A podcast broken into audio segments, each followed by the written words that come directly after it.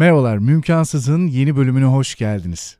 Yeni sezonda bugün sevgili Elif Özorp'a ağırlıyoruz. Hoş geldiniz Elif Hanım. Hoş buldum. Nasılsınız? İyiyim. Sefa sen nasılsın? Ben de iyiyim, çok teşekkür ederim. Bugün sizinle güzel bir konu konuşacağız. Meslek seçimi. Meslek seçimi, ergenlikte meslek seçimi ve ebeveynlerin ergenleri aslında doğru yönlendirmesi ya da yanlış yönlendirmesi üzerine konuşuyor olacağız. Öncelikle biraz sizi tanıyalım. Elif Hanım kimdir, ne yapar? Ben Elif Özorpak. Hı hı. Ee, Tekrardan başlayayım. İstanbul Üniversitesi felsefe mezunuyum. İstanbul Ticaret Üniversitesi'nde uygulamalı psikoloji üzerine yüksek lisans yaptım. Ee, 10 yıldır psikolojik danışman ve rehber öğretmen olarak özel bir kurumda görev yapıyorum. Aynı zamanda grup çalışmaları, e, eğitimler düzenliyorum. E, Daha doğru tanımıyla da e, psikoloji bilim uzmanı da diyebiliriz aslında. Peki nedir e, psikolojik danışmanla psikolojik bilim uzmanı arasındaki fark? E, psikolojik danışman, üniversitelerin psikolojik danışman ve rehberlik bölümü mezunlarının aslında aldığı bir ünvan. Hı hı. Aynı görevi şu anda gerçekleştiriyoruz ancak e, daha doğru belki etik kullanım açısından bakarsak da e, daha doğru olabilir. E, benim yüksek lisansım psikoloji olduğu için birazdan belki bahsederiz de psikoloji ve psikolojik danışmanlık bölümünün arasındaki farklılık Hı hı. e, biraz burada devreye giriyor diyebilirim. Peki hangi alanlarda çalışır psikolojik danışman? Psikolojik danışmanlar e, aslında belki bir e, cezaevinde de çalışabilir, Hı hı. e, bir okulda da çalışabilir ya da işte özel eğitim alanlarında da çalışabilir. Psikoloji ile psikolojik danışmanlık arasındaki farklılık aslında günlük problemlerle ilgilenir psikolojik danışmanlar. Aslında bizim yaptığımız şey terapi değil. E, günlük sorunlar, işte çocukların motivasyonları, meslek seçimi, kaygı problemleri, ailelerin aslında eğitimleri biraz psiko eğitim alanında da yer alıyoruz diyebiliriz. E, psikologlarsa ki klinik psikolog olmak da burada devreye giriyor. Ciddi anlamda ayrıntıları var diyebilirim. E, ama terapi yapma e, kısmında klinik psikoloji ünvanını aldıktan sonra e, daha yetkin bir şekilde bunu sürdürebilirler.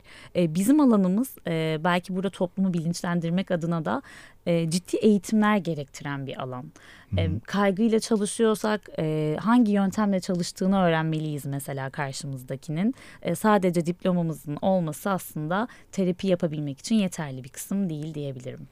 Peki e, psikolojik danışman daha çok günlük konulara, e, günlük konularla ilgilenir Evet. demiştin. E, nedir bu günlük konular? Hangi alanlarına bakar günlük konuların?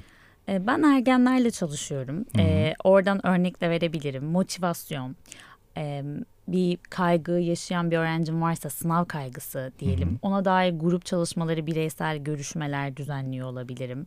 E, aynı zamanda akran zorbalığı, çocuklar arasındaki çatışmaların gelişimiyle ilgili hem yine psikoeğitim kısmında, grup çalışmaları kısmında hem de bireysel kısımlarda yer alıyorum diyebilirim. Aslında patolojik diye ayırdığımız vakaların dışında ya da uzun çalışma gerektirecek, e, işte 10-20 seans çalışma gerektirecek çalışmaların dışında 3-5 se- seansa kadar devam edebileceğimiz çalışmaların içerisinde yer alıyoruz. Bu sürecin uzadığını fark ediyorsak, haftalık görüşme gerektiriyorsa artık karşımızdaki kişi o zaman bir uzmana yönlendiriyoruz. Anladım. Peki neden e, özellikle ergenlerle e, bu meslek seçimi konusunda çalışmayı tercih ettiniz? Aslında e, tam da e, meslekle ilgili karar verme aşamamızın olduğu bir dönem.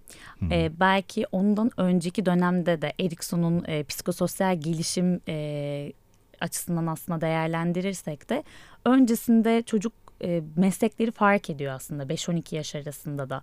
Annem bu mesleği yapıyor, babam şöyle bir meslek yapıyor işte akrabalar, dostlar vesaire. Çocuk bakıyor ki farklı meslekler var hatta o yüzden sorarız çocuklara işte ne olmak istiyorsun ki genelde hayvan sevgisi çok yüksek olduğu için çocuklarda bir veteriner olmayla başlar. Ee, ve işte diğer yakınlarında sevdiği insanların eğer meslekleri varsa mesela benim bir yeğenim var işte veteriner olmak istiyor benden dolayı işte psikolojik danışmanı olmak istiyor bir tane daha söylediği bir meslek oluyor birçok mesleği görme imkanımız oluyor ancak ortaokul ve liseyle beraber artık ergenlik dönemiyle beraber e, daha yetkin olmak istediği, kendisini görmek istediği bir kısma doğru ilerlemek aslında gösteriyoruz. Ve e, burada aslında ergenlik bir değişim. Hı hı. O değişimi kabul etmek toplum için zor, aileler için zor ve şu ana kadar çocuklarımız var. Bize itaat ettiler, söylediğimiz şekilde yönlendirdik. İşte istediğimiz kıyafeti giydiler, istediğimiz hı. okula gönderdik. Ama şimdi birden hiç e, şıklarda olmayan seçenekler geliyor önümüze ve ailelerin de en çok zorlandığı kısım olan Hı-hı. bir döneme girmiş oluyoruz. E, ve ki, aslında kimlik gelişimiyle beraber de meslek seçimi geliyor diyebiliriz. Başlıyor. Peki o çocukluk evresinde işte etkilendiğimiz hayatımızdaki rol modeller var ya işte e, kimisinin yaptığı iş itibariyle e, çok etkileniyoruz. Kimisinde kendisini çok sevdiğimiz için etkileniyoruz ve onun yaptığı işi yapmayı, onun yaşadığı hayatı yaşamayı belki de e, umut ediyoruz o yaşlarda. Evet. Peki bu ileride meslek seçiminde etkili oluyor mu? Yoksa e, ergenlik dönemi sonrasında değişiyor mu? Aslında e, burada ergenlikte kimlik gelişimini altı kategoride ele alabiliriz. Hı hı. E, bir tanesi e, burada Erikson'un yine yaklaşımından bahsedeceğim. Başarılı kimlik geliştiren çocuklar var. Bir arayışa giriyorlar. Ee, evet ben daha önceden işte e, sevdiğim biri şu mesleği istiyordu. Ben de istedim ama bu bana uygun mu? Bir arayış sürecinde kendi kimliklerini buldularsa aslında e, ona göre bir meslek seçiyorlar e, bir tarafı aslında askıya alıyor mes yani kendi kimliğini askıya alıyor. Eğer baskıcı bir aile ortamındaysa, kabul görmeyeceğini düşünüyorsa, yapmak istediği bir meslek var. Belki burada oyunculuk gibi alanları da devreye katabiliriz ya da sanat alanları. Öğrencilerimden de geliyor. İşte oyuncu olmak istiyorum ya da ressam olmak istiyorum gibi. Böyle bir dönemde aileden istediği e, cevabı alamıyorsa ve baskıcı bir ortamda bulunduysa söz hakkı da yoksa aslında kimliğini askıya alıyor ve bekletme sürecine giriyor hmm, diyebiliriz. Hmm. Diğer kısmı kimlik dağınıklığı aslında gözlemliyoruz. E, kimlik dağınıklığında da aslında kişi farkında bile değil. Farkındalıksız bir dönem, kaçış var diyebiliriz aslında burada. E, ne ve, olmak istediğini mi bilmiyor? Evet yani burada kendine dair düşünmüyor. Hatta biz şey deriz işte nasıl düşünmüyorsun ee, bir kendine gel umursamaz bir çocuk. Hı-hı. Hiçbir şey umursamaz bu çocuk. Aile geliyor e, hiç ilgilenmiyor. Aslında gerçekten burada dağılmış, kimlik dağılması yaşamış diyebiliriz çocuğun. Daha çok yönlendirilebilen çocuklar mı bunlar? Yani e, kim nereye çekse oraya gidebilecek evet, karakterde ne istediğini insanlar. bilmeyen hmm. ve görüldüğü an oraya yönlenebilecek çocuklar ve burada da yine bir kimlik gelişimi göremiyoruz. Hmm. E, burada aile tavrı, ebeveynlerin yaklaşımı çok etkili oluyor. E, araştırmalar şunu söylüyor. Baskıcı ebeveynle gevşek aile tutumunda olan ebeveynler aslında çocuğa aynı zararı verir. Hmm. Ee, ne açıdan mesela baskıcı bir ailede çocuk bir alan bulamaz kendine sıkışmıştır ama e, alan bulamadığı için nasıl bir tercihte bulunacağını bilemez. İşte askıya alabilir kimliğini hmm. ya da dağılabilir. Ee, gevşek aile tutumunda da sınırlar yoktur ve çocuk e, hangi sınırda nasıl ilerleyeceğini bilemez. O yüzden biz aslında böyle demo, demokrat aile tutumunda olan, sorular soran, sen ne istiyorsun, ne düşünüyorsun? Diyelim ki karşımıza hiç bizim hayal, düşünmediğimiz çocuğumuzla ilgili bir meslekle geldi. E, neden bunu istediğine dair aslında sorular sormak. Çocuğun ilgi alanı ne? İlgi duyuyor mu buna? Hmm. Evet zaten ilgi duyduğu kısımları seçiyor. Peki yeteneği var mı? E, bu mesleğe dair hmm. istediği e, şunu da görüyoruz. Aile orada kabul etmiyor. Mesela sanatla ilgili kısımlar diyebiliriz. Ancak e, çocuk yıllar sonra diyor ki e, ben aslında şu mesleği istiyordum. İşte keşke e, daha erken bunu fark etseydim ya da ailem bunu kabul etmediği için cesaret edememişim.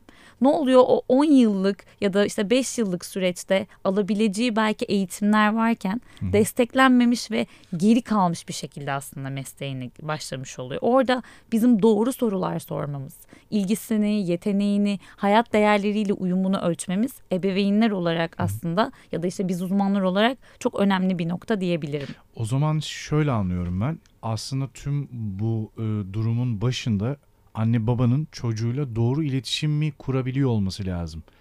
Peki bu doğru iletişimi çocukla bir anne baba ilk başta nasıl kurmalı?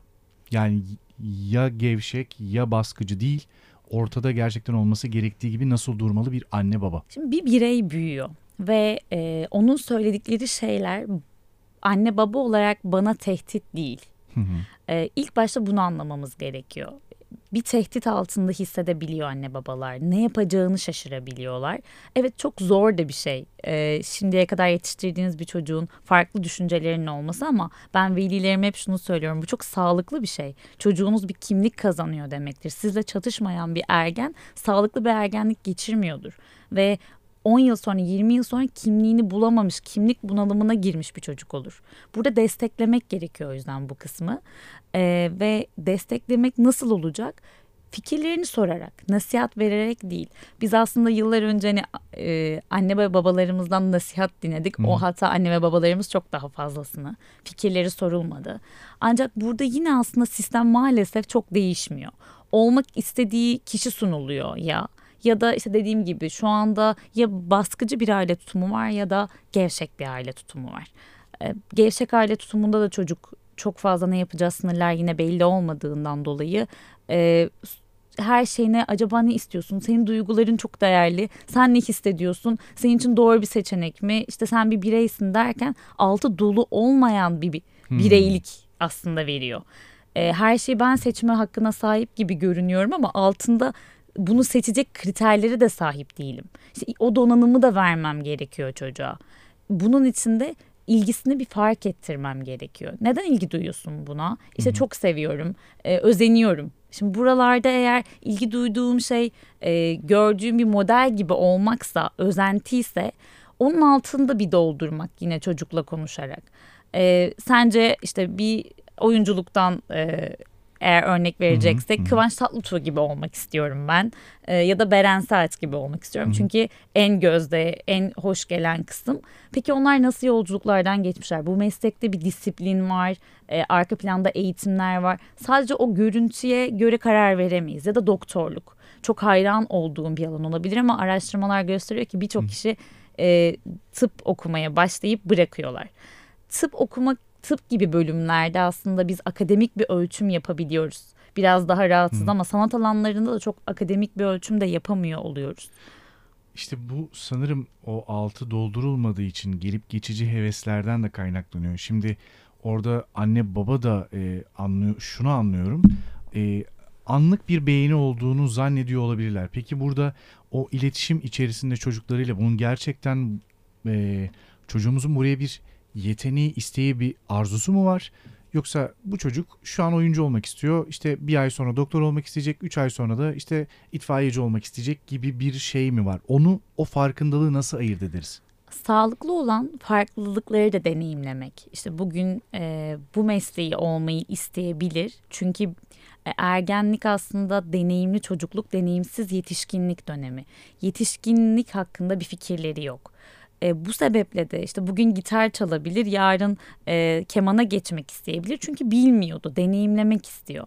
Burada sağlam zeminlerde oturtabilmek için neden istediğini, e, kendi yapısına uygun olup olmadığını, hayat değerleriyle yaşamak istediği hayatla uyumunu, bu basamakları konuştuğumuz zaman aslında çocuk şu karara varabiliyor. Bu benim evet yapabileceğim bir şey değil. O zaman kendimle ilgili yeni bir şey keşfedeyim. Hani özenti olup olmamasını, anlık bir beğeniyle karar verip vermemesini. Çünkü ailelerin de bir problemi bu. İşte sürekli değişiyor, ne istediğini bilmiyor ya da bugün bunu al, bu e, kursa gitmek istiyor. Yarın diyor ki ben e, farklı bir şey istiyorum. Ne istediğini bilmiyor bu. Bu şekilde değerlendirilebiliyor ama aslında iyi bir rehber olamadığımızla da ilgili. Hmm. Bir süre onu deneyimleyebilir. Bu arada vaz da geçebilir. Neden e, bir ömür e, bir meslekte de gitmek zorundayız?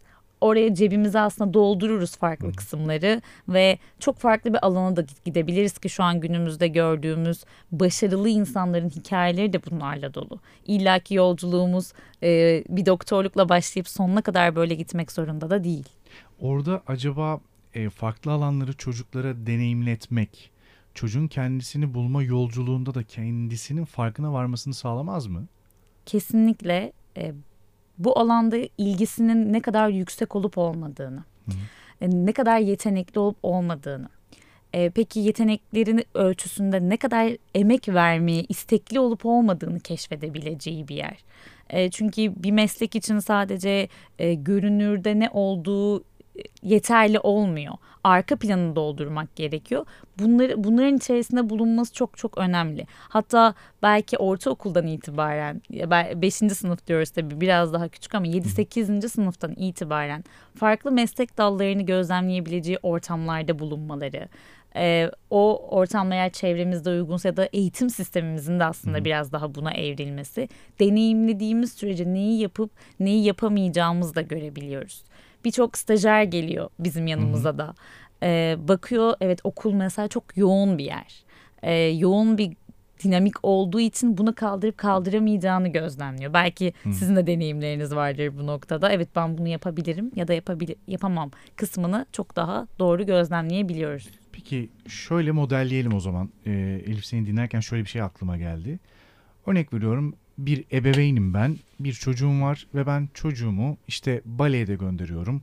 Ee, ne bileyim işte bir e, robotik kodlama e, kursuna da gönderiyorum gibi aslında alan olarak birbirinden bağımsız farklı birçok eğitim aldırıyorum ya da işte etkinliğin aktivitenin içinde bulunduruyorum çocuğu. Diyelim çocuğum da şöyle bir reaksiyon veriyor. E, piyanoya gidiyor beğenmiyor sıkılıyor bırakıyor. Yüzmeye gidiyor sıkılıyor bırakıyor. Şimdi burada iki ben en azından nacizane iki ebeveyn modeli gördüm. Bu reaksiyona şöyle cevap veren. Biri diyor ki zaten e, yani bir şeyde de tutunamıyor. E, gelip geçici bir şey var. İşte gönderiyoruz ama e, herhangi birinde de karar kılmış değil. E, bir de yani hangisini beğendiyse onunla devam edecektir mutlaka. Deneyimlesin en azından onun tadına baksın diyen bir ebeveyn modeli gördüm kendi tecrübelerimde. Bunların dışında bir model var mı onu bilmiyorum. Varsa lütfen bize anlat. E, burada ebeveyn çocuğunu nasıl değerlendirmeli? Ona nasıl davranmalı? Bu tarz kendini bulma yolculuğunun başındayken henüz. E, Çünkü bir... ileride bu meslek seçimini de etkileyecek değil mi? Kesinlikle bir kaygımız var ama bu kaygı kimin sorusunu sormak aslında önemli. E, genelde çocukları kaygılandırıyoruz ve çocukta hmm. bir kaygı görüyoruz. E, ben kaygılı öğrencilerime baktığımda kaygılı bir ebeveyn modelini mutlaka görüyorum. E, ve bu kaygının kendimizle ilgili olduğunu keşfetmek burada çok önemli. Ben kendimle ilgili bir kaygıdayım demek ki. E, çocuğumun geleceğiyle ilgili doğru bir karar veriyor muyum? E, çocuğumun yeteneklerini doğru okuyor muyum kısmını e, gözlemlemekle ilgili bir kaygım var. O zaman burada ebeveyn olarak kendime bir bakmam lazım. Çünkü o bir yolda yürüyor ve aslında biz onların hayatlarında anne ve babalar ömürleri yettiğince bizim gibi uzmanlar bir dönemlerinde eşlik ediyoruz. Yolu da onlar yürüyor ve o yolu yürürlerken sürekli bir şekilde şu an özellikle günümüzdeki ebeveynlik kısmında doğru mu yapıyorum diyen bir yerden baktığımızda bir çocuk olarak düşünelim. Anne ve babamız sürekli doğru mu yapıyorum, sizi doğru yetiştiriyor muyum gibi bir enerjiyle bize yaklaşıyor. Hı. Bir eğitime gönderiliyoruz. Yeterince öğrendik mi acaba? Şu anda iyi miyiz? Devam ediyor. Sürekli biz bana şöyle geliyor. Çocukların e, altın bir spot ışığının altına çocukları koyduk şu anda. Hı hı. Hep beraber e, doğru öğrendiler mi? Yeterince iyiler mi? Sürekli çocukların tepesindeyiz. Evet. Böyle bir ortamda kendini keşfedebilen, kendini bulan, kimliğini bulan bir çocuk çıkması çok zor. Hı hı. E, o yüzden bu yolculuğa eşlik ederken e, spot ışığının altında değil biraz deneyimlesin. E, bu arada bizim içimizde bir ilham var, çocuğun var. İlla ki anne ve babası olarak ya da biz uzmanlar olarak öğrettiğimiz yollardan yürümeyecek ve çok farklı fikirler de ortaya koyabilir. E, biraz yaratılışa da güvenmek gerekiyor burada. Hı hı. E, birçoğumuz için de bu geçerliydi. Sadece anne babalarımız öğrenmedi. Düşünelim hepimiz öğrendiğimiz şeyleri. Hepsini anne ve babamızdan mı öğrendik? Hayır. E, o zaman aslında biraz çocuğun da bu yolculuktaki seçimlerine e, güvenmek gerekiyor. Sadece evet e, başı boş mu bırakalım? Hı hı. Hayır tabii ki. İletişimde olalım e, ne düşünüyor? İşte bir kursa gönderdik. Onun deneyimi ne? Onun açısından nasıl geliyor bu? Hı hı. Sürekli hani bir spot ışığın altında tutmayalım. Biz gözlemlemeyelim de. Mesela ergenler şundan çok rahatsız oluyorlar.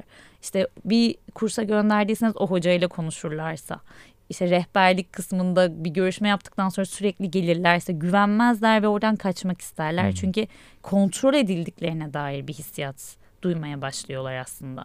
O kontrol alanından çıkıp e, varlığını görmek ve biraz e, yola da güvenmek gerekiyor diye düşünüyorum. Peki neden ebeveynler bu kadar çok e, kontrol altında tutmak, her hareketinden haberdar olmak, e, her sonucunu bilmek. Örnek veriyorum işte lisedeyken ya da or- ortaokuldayken bile hatırlardık. E, bazı arkadaşlarımızın aileleri e, arkadaşlarımızın ders notlarına onlardan daha hakim olurlardı. Hangi dersten kaç puan aldığına, neyi nasıl götürdüğüne, kaç soru çözdüğüne kadar. Bu biraz sanırım e, kişiyi de çok fazla kapana kısılmış gibi hissediyor. Yani biraz da bırak kendi sorumluluğuma ben kendim ilgileneyim ve bununla alakalı ke- kendim bilgileneyim istiyorsun. Peki bu otokontrolü aile eğer değişmiyorsa, değişmek istemiyorsa, aile de değişmeye gönüllü olmuyorsa ergen burada orayı nasıl e, yönetebilir? E, nasıl davranmalıdır burada?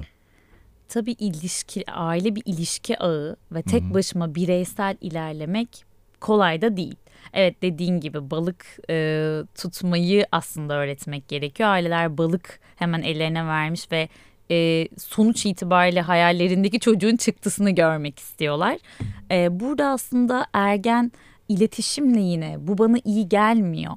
E, burada bunu hissediyorum diyerek de aileye fark ettirebilir. Biz mesela online eğitimde gözlemlediğimiz aileler çocuklarıyla birlikte oturdular ekran karşısına. Daha çok görme imkanımız oldu. Çocuklar sola bakıyor, sağa bakıyor. Biz bunu görüyoruz mesela o sırada. E, ve çocuk bunu iyi gelmediğini aile ifade ettikçe ve ben burada öğrencilerime de şunu söylüyorum. Kendi sorumluluklarınızı güçlendirdikçe aslında onlar da bir şekilde ki bu zor e, maalesef bir bağımlı çocuğa bir bağımlı olma eğilimimiz yüksek oluyor ebeveynlikte. E, bu kendimizle kurduğumuz ilişkiyle de alakalı. Aslında bir çocuğun görmek istediği şey sürekli tepesinde bir anne baba değil e, ihtiyaç duyduğunda ona dinleyen, onu dinleyen ancak e, kendi duruşunu da gösteren bir ebeveyn. Çünkü biz sadece e, anne ve babamızla kurduğumuz iletişimle öğrenmiyoruz. Onların insan ilişkileriyle, hayattaki okudukları kitaplarla, başarılarıyla da bir model aslında belirliyoruz kendimize. İlla ki sürekli onların peşinde iyi misiniz, iyice öğretiyor muyum diyebilmek yerine aslında e, kendimiz olduğumuzda çocuk da bir yerde onu örnek alacak. Kopuk bir iletişimde olmadığımız sürece. Ee, ancak maalesef bu süreçte gördüğümüzde şu anki ebeveynlik modelinde evet hep bir tepelerinde olma durumu. Bunun için de biz e, uzmanlar olarak ergeni evet güçlendirmeye çalışıyoruz. Kendinizi ifade edin. E, kendinizi bu noktada hoşlanmadığınız kısımları ailenize söyleyin. Çünkü çocuklarda e, buna dair cesaret de zayıf oluyor. Anne baba karşısında cesaret de zayıf oluyor. Anne ve babaları da anlıyorum çünkü bir bildiğim e, şöyle bir söz söylemişti. Gerçekten beni çok etkiledi. Anne ve hani anne olmak bir vicdan azabı. Sürekli e, yeterince iyi bir anne olabildim mi sorusunu soruyorsunuz kendinize diye. E, o noktada çok e, yürekten aslında anlıyorum anne babaları da. Ve çocuklara da hep şunu söylüyorum. Bu dünyada e, sizin için her şeyin en iyisini isteyen kişiler aslında onlar. Sadece yöntemleri yanlış olabilir. E, söylemleri yanlış olabilir. Ama aslında tek amaçları var. Sizin için elinizden gel ellerinden gelenin en iyisini yapmak. Peki yeterince iyi ebeveyn ne demektir? Aslında Mesela orada e, o veli mesela neyi kastetmiştir? Yeterince, ne kadar yeterince, Evet. nasıl yeterince, ne demektir yeterince? her şeylerine e, tanık olabildim mi? Yani o Hmm. hiçbir duygusunu kaçırmadan yanlarında olabildim mi? Şimdi bu da mümkün değil. Evet. Yani bu kadar hızlı akan, bu kadar e, çabuk ilerleyen bir hayat süreci içerisinde biraz da çocuğun da kendi hayatının kendi yolunda aktığına şahit olmak lazım. Değil mi? Yanlış mı düşünüyorum? E, sürekli anne babayla bir arada bağ kuran çocukların sanırım belli bir süre sonra e, özgüven ve karar alma mekanizmaları yok olmaya başlıyor diye düşünüyorum. E, ne dersiniz? Ee, Burada anne ve babalığa dair e, fikirlerimiz çok önemli. Ee, anne ve babayım ve her şeyini ben karşılamalıyım. Yani ben olmazsam çocuk olmaz e, gibi bir yerden yaklaşıyoruz. Ee, aslında çocuk bir şekilde ki birçok örnek de biliyoruz değil mi anne ve babası olan tarihte de ve kendi olabilmiş bireyler de görebiliyoruz. Biraz fazla kutsallaştırabiliyoruz. Kutsal olmadıkları yönünde değil ama e, aşırı kısmına geçebiliyoruz aşırı kısımlarımızı belki törpülemek burada. Ee, evet biz elimizden geldiğince her şeyin en iyisini yapmaya çalışacağız onlara. Ee, burada duygularımızı karıştırmamak da çok önemli. Çünkü bazen e, duygularımızdan dolayı onların gelişimine de engel oluyoruz. e, öğrencilere baktığım zaman birçoğu tatlı sert öğretmenleri seviyor. Anne babalık da biraz böyle. Hı. Her şekilde sürekli hizmetlerinde olan, duygularını e, dediğim gibi hani sürekli yüzlerine bakarak anlamaya çalışan bir yerden değil de onların da kendi yolculukları var. E, buraya biraz daha saygı duyarak e, belli mesafede belli ihtiyaçlarını karşılayarak Hı. onların da bunu karşılayabileceğini güvenerek hareket etmek gerekiyor. Yani dengede ebeveynleri mi tercih ediyorlar? Tat sert derken Doğru mu anlıyorum? Evet, e, kuralları olan, net olan, hı hı. E, belli bir yere kadar aslında e, bir alan da açan çocuğa, nasıl olacağını da öğreten, ama e, belli bir noktadan sonra da aslında ki çok da zor anne ve babalık. Ee, burada ahkam kesmek de değil kesinlikle niyetimiz. Çünkü kendi duygularımız çok fazla geçiyor. Ama biz orada duygularımızı ayırıp çocuğun ihtiyacına odaklanmam gerekiyor. Benim e, anne ve babalığa dair duygularım, yetersizliklerimi bir kenara bırakıp şu an karşımda bir çocuk var. Ali var, Ayşe var. Onun neye ihtiyacı var? Ya da bunun devamında nasıl olur? Bugün bir şeye kızmıyorum mesela. Sonra çok büyük bir şey oluyor. Oraya çok büyük bir tepki gösteriyorum. Çocuk birden tutarsız bir ebeveynle karşılaşıyor. Çünkü öncesinde bana kızmamıştı bununla ilgili.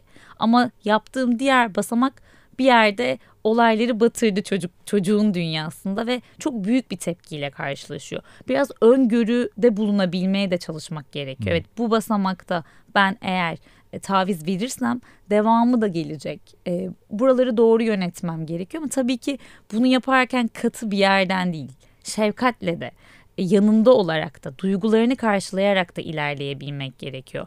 Bunun ölçüsünü biraz tutturamıyoruz. Ya çok şefkatli ve her şeye evet diyen ya da birden bu konu hakkında asla konuşulamaz diyen bir yerden yaklaşıyoruz ve çocuk şunu çok güzel seziyor. Bu konular ailemde konuşulmaz. Hmm.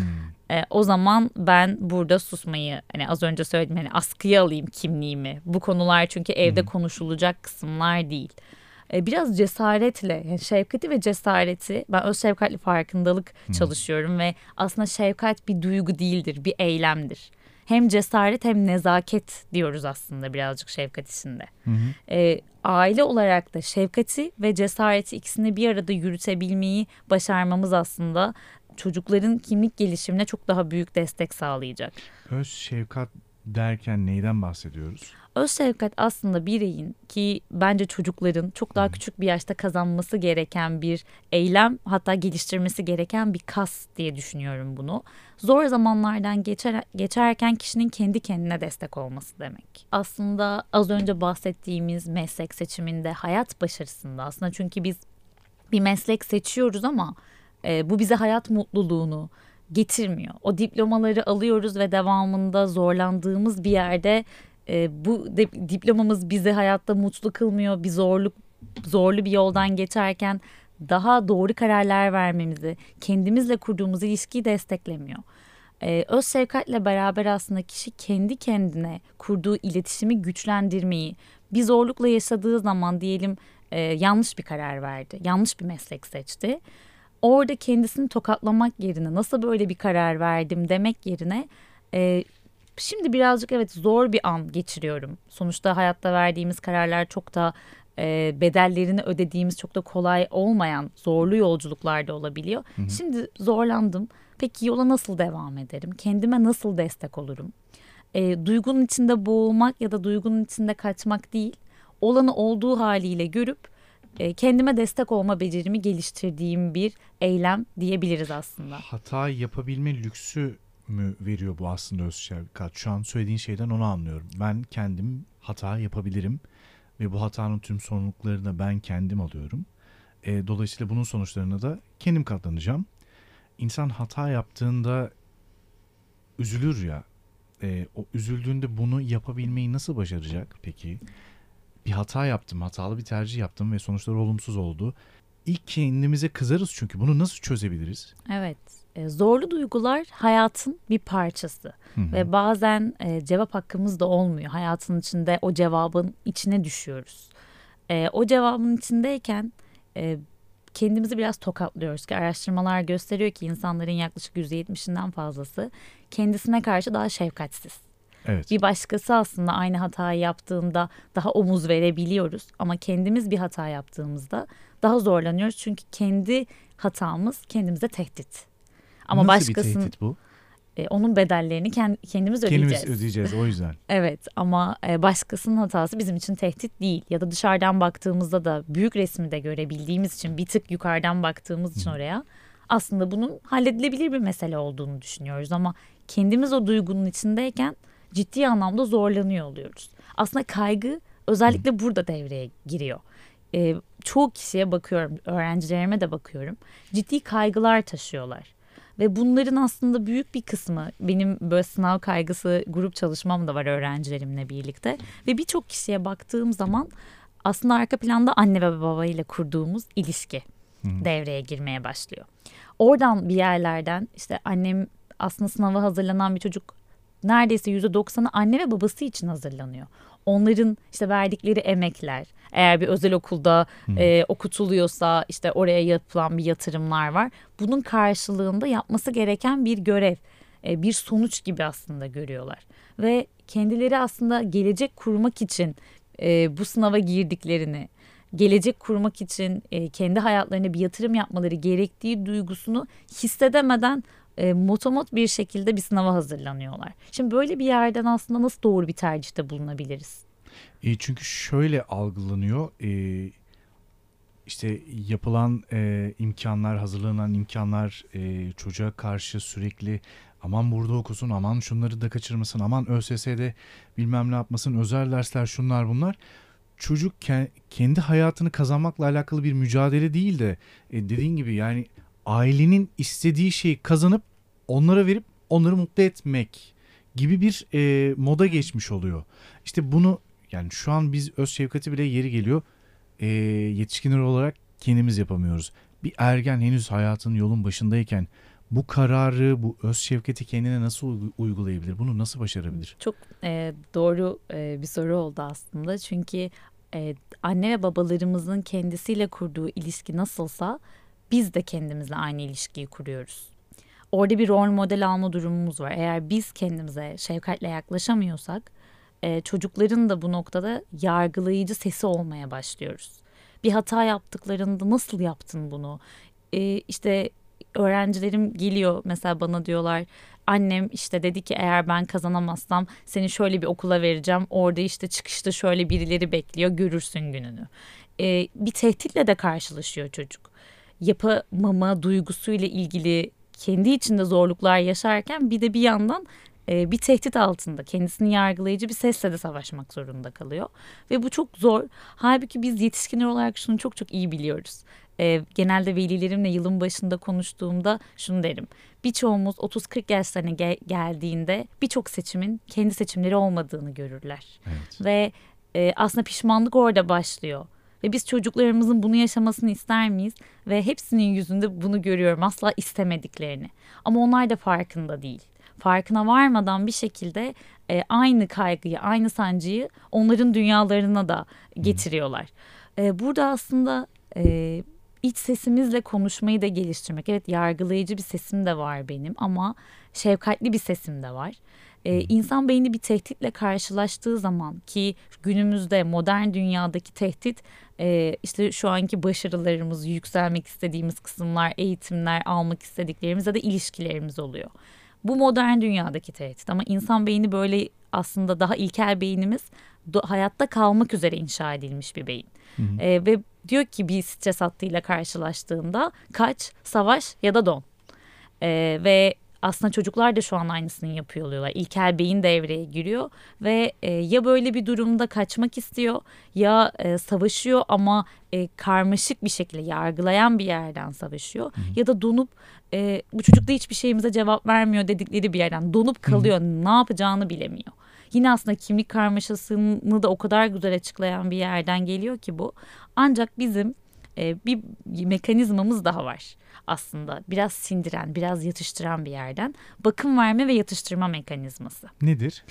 Aslında burada biraz fiziksel temas da devreye giriyor. Mesela kendimizi kaygılı hissettiğimiz bir anda.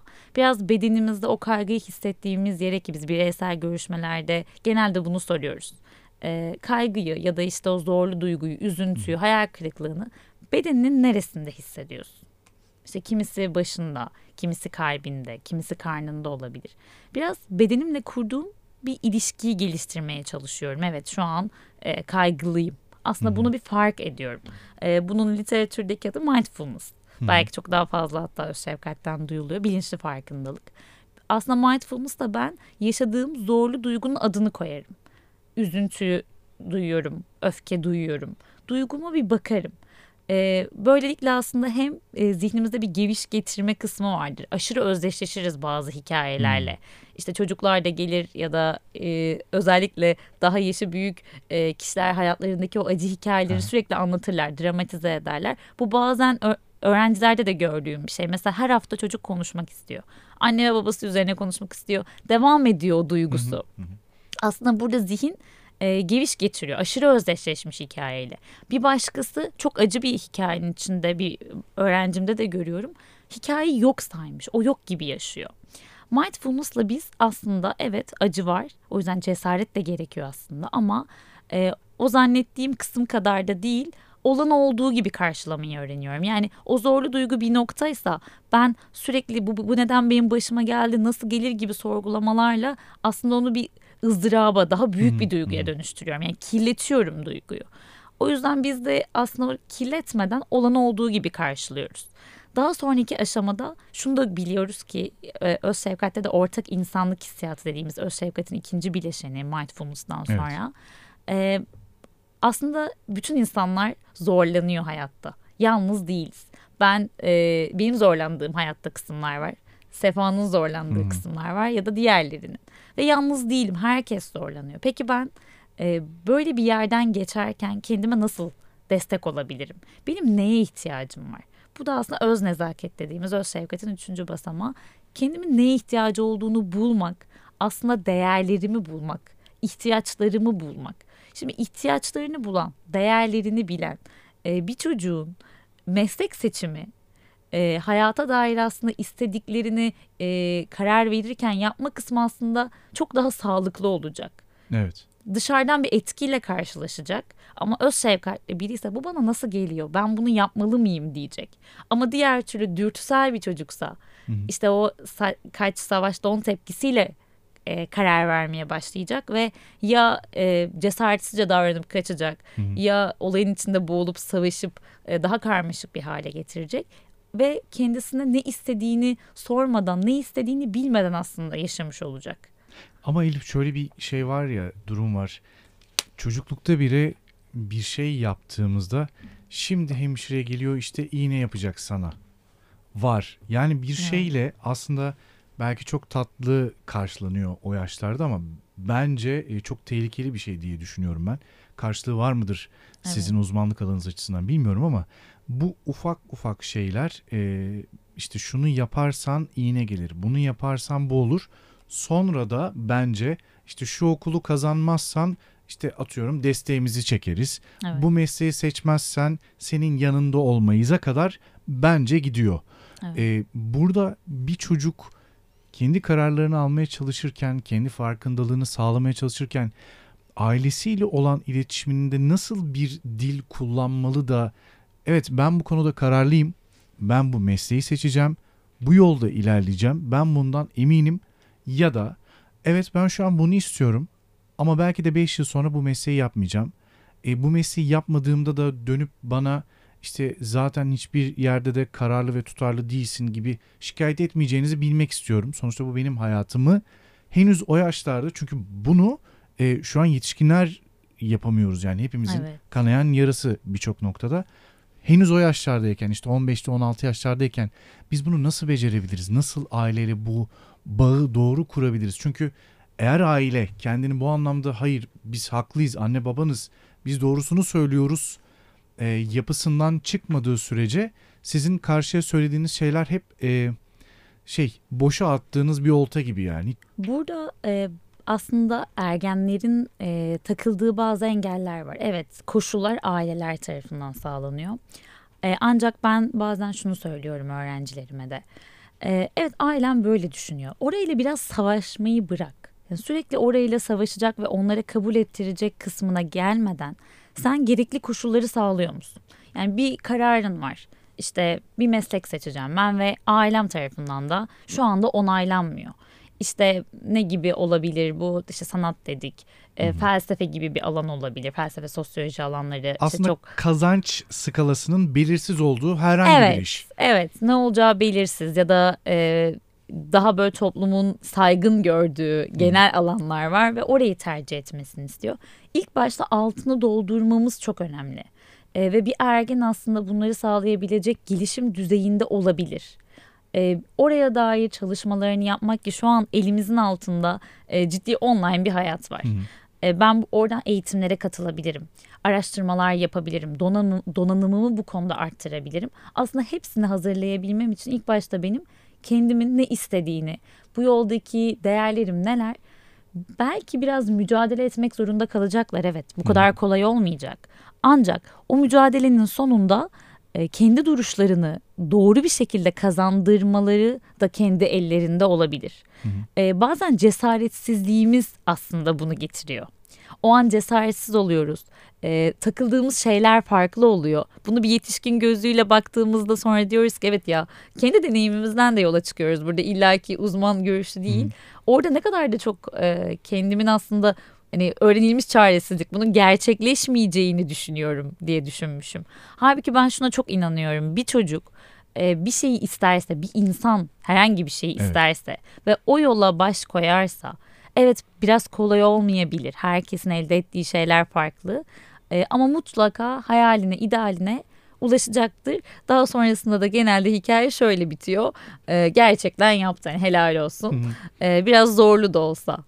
Ama zaten e, o zorlu süreçte şikayet ediyoruz. Belki düşünce ağlıyoruz. Belki niye ben bu kadar çok yumruk yiyorum bu yolda diyoruz ama sanırım o hikayenin sonunu mutlu bitirdiğimizde verdiği haz o hikayenin işte o yumruk yediğimiz, e, düştüğümüz, kaybettiğimiz, üzüldüğümüz anlardan sonra geldiği için o kadar çok haz alıyoruz. Yoksa kolay bir yol sanırım belki kolay da akabilir bu arada. Buna da e, karşı değilim ama e, kolay bir yoldan gidince çok da e, nasıl söyleyebilirim bunu? Çok Emek, da tatmin evet. etmiyor gibi. Evet yani Evet. bir şey kolaylıkla geldiği zaman hayatına e, belki evet hani çok da şey olabilir. Bir gün bir yerde biriyle tanışıyorsunuz. İşte diyor ki ajansa bekliyorum sizi. Gidiyorsunuz 2-3 fotoğrafınız çekiliyor ve yeteneğiniz de keşfediliyor o an ve bambaşka bir yere gelebiliyorsunuz. Bu da buna buna karşıyım demiyorum. Hayatta bunun benzeri birçok örnek yaşanıyor. Farklı mezhep gruplarında da. Evet. Ancak benim söylediğim sonuçta gidip o işi yapıyor. Evet. Yani onunla alakalı bir mesai harcıyor, zaman harcıyor, emek harcıyor ve sonucunda hazzına ulaşıyor. E, biz biraz kolayı e, seviyoruz galiba. Kolay olsun ki e, çabucak ulaşayım. Evet. Nereden çabuk giderim o yola diye. Evet, zorluklar bir açılım sağlıyor aslında. Zorlandığımız yerde kendi gücümüzün e, o sınırlarını da denemeye başlıyoruz. E, burada e, çok güzel bir araştırma var. Bugünün özellikle e, gençlerinde birazcık daha zor zorlandığını gördüğüm bir kısım. İhtiyaçlarımızı erteleyebilme becerisi. E, kendi ihtiyaçlarımız o kadar önde ki e, bir şeyi yapmak ve başarmak için mesela bir sınav hazırlığı içinde olsa şu anda aslında çocukların her türlü koşul koşula sahip olmasına rağmen e, mesela ders çalışma masasına oturtamıyoruz. Halbuki her şey var. Bütün koşullar hazır Evet. ve yapacakları şey biraz işte oyun oynuyorlarsa bunu e, kısmak. Hatta aileler hani hazır bekliyorlar zaten ne istiyorsun diye. Sadece bunun işin başına gelecekler. Yani buradaki emek kısmına geçecekler. Ama kendileri dediğin gibi bir emek kısmına geçmekte zorlanıyorlar. Tabii ki burada da e, bizim yetiştirme tarzımızın getirdiği aslında sonuçlar var. E, bir e, marshmallow deneyi var Stanford Üniversitesi'nin yaptığı. E, 5 yaşların civarında anaokulu e, yaş civarındaki çocuklara bir odaya alıyorlar hepsini tek tek ayrı ayrı. E, bir marshmallow koyuyorlar önlerine diyorlar ki bunu yemezsen şu şu süre içinde sana daha e, daha fazla marshmallow vereceğim bir tane daha vereceğim. E, ve çıkıyorlar odadan çocukları kamerayla gözlemliyorlar E, ve çocukların bazısı dayanamıyor yiyor. E, bazısı dokunuyor vesaire. E, kimisi de bekliyor çünkü bir tane daha gelecek niye beklemesin ki gibi bir kısımla. Ve bu çocuklar yıllarca gözlemleniyor. Meslek seçimlerine kadar gözlemleniyor ve bu gözlemde e, ihtiyaçlarını erteleyebilme, hazlı erteleyebilme becerisine sahip olan çocukların akademik anlamda daha başarılı olduğu, bağımlılıklara daha az meyilli olduğu gözlemleniyor. Hmm. Ee, aslında istikrarlı gidebilme yani bir işte Hı. daha uzun süreli gidebilme becerisinin olduğunu gözlemleniyor. Obsesif bir yerden, takıntılı bir yerden değil. Ancak e, gerçekten e, doğru bir noktadan değerlendirebilirsek bugün e, mesela öğrencilerim LGS grubuyla çalışıyorum. iki ayları var.